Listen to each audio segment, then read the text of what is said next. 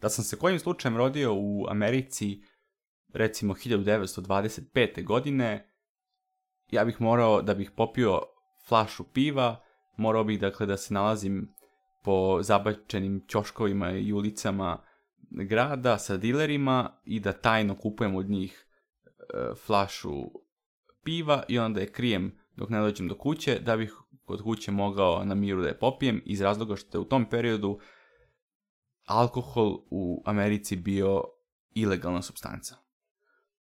Sad, kad neko to čuje, jasno je koliko banalno zvuči, s obzirom da možemo da uđemo u bilo koju prodavnicu, na bilo koju trafiku i da biramo hiljade sorti različitih, ne samo piva, nego generalno alkohola od 2%, 2 promila do 50 promila. Dakle, votki razlih, raznih piva, raznih viskija raznih i tako dalje. Dakle, vrlo je, može se reći, banalan, banalan e, taj razlog bio za zabraniti alkohol u Americi tada. A šta ćemo sa marihuanom? Neke države trenutno, opet možemo da, se, da pogledamo e, ka Americi, su legalizovale marihuanu. Što znači da je tamo sasvim legalno otići u prodavnicu, izabrati nekoliko vrsta marihuanu, marihuane, kupiti koja, koja ti se dopada i prosto je konzumirati. Kao što može da se konzumira i alkohol, koja je mnogo gora stva, e, droga po naš, po naš organizam i po naše zdravlje nego marihuana. I sad, kao što je vjerojatno poznato ljudima, e, nedavno, pre mesec dana, e, uhapšen je poznati srpski reper Stefan Đurić, poznati svima kao Rasta, zbog toga što, što je pronađena kod njega određena količina, količina marihuane. Meni je to neverovatno, dakle, da su svi mediji krenuli da pišu uh, o tome kako je on uh, katastrofa, kako je očajan primjer za mlade kao poznata ličnost, uh, kako je kriminalac, ne znam ja koje, koje veličine, pre svega, nik, u normalnom svetu, nijedna odrasla osoba ne bi smela da drugoj odrasloj osobi naredi šta ta druga os odrasla osoba može da konzumira. Dakle, mislim da je to jasno samo po sebi.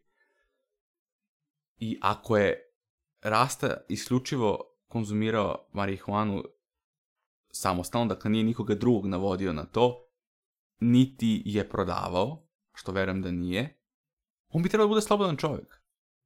Dakle, zakon je očigledno u pro pro problemu ovdje, što će se ispostaviti 20 godina kasnije ili 50, za koliko god u našem ovom napaćenom jadnom regionu se e, konačno narod osvesti i, i vlast, pa legalizuju e, tu substancu,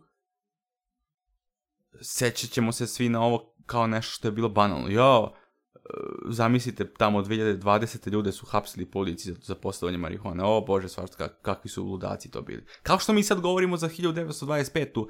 i za Amerikance. Kakve budale. Zabranjivale su alkohol ljudima da piju kakvi debili, bože, svašta. E tako ćemo i za 50 godina pričati o ovoj situaciji. Ja znam da neće biti 50, nadam se da ćemo za 5 ili 10 godina pričati o ovoj banalnoj situaciji, ali kako stvari stoje izgleda za 50 i možda ni tad nećemo. Ne, jasno je da su neke države legalizovale marihuanu. Neko, skoro kompletna Amerika je da, da, dakle legalizovala. I oni kada bi sada čuli da nekoga ovde hapse za to, za posjedovanje marihuane bi se smeli i mislili bi o jadni ljudi. U kakvom to, u kakvoj to rupi žive. De, de, de ljudi ne čitaju svetsku svetske materijale zdrast, koje su medicinski radnici, istraživači naučnici napravili o marihuani gde su gde je do, došlo do gde se došlo do zaključka da ne samo da je manje štetno od alkohola koji je legalan nego čak ima i suprotno dejstvo, može da se koristi u, u medicinske svrhe. Dakle, evo, sada sam čitao nekoliko artikla koji su izašli na ovu temu sa rastom i prosto čitam banalne stvari. Dakle, evo, jedan kriminolog, neću da, da mu navodim ime, citiram ga, to što je policija uhvatila uhapsila poznatu osobu ne bi trebalo da bude njegova olakšavajuća okolnost. Đurić je poznati reper koji mora da vodi računa o uticaju na mlade ljude. A to što državne televizije prikazuju uh, reality show 24-7 na TV-u, kako, kako to utice ima na mlade ljude? To što RTS uh, e, pušta serije koje su se snimale pre 300 godina iznova i iznova ispirajući mozak i, i, i zaglupljujući narod, to nema nikakve loše utjece na mlade, jel tako? A možete misliti, e, rasta ima loš utjecaj na mlade. Dakle, totalna glupost.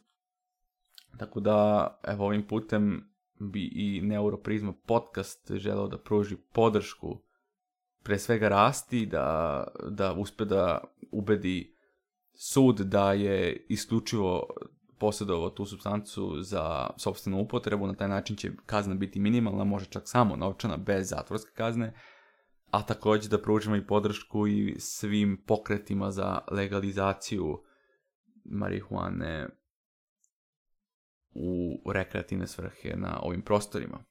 Hvala na slušanju i vidimo se u nekoj sljedećih epizoda. Pozdrav!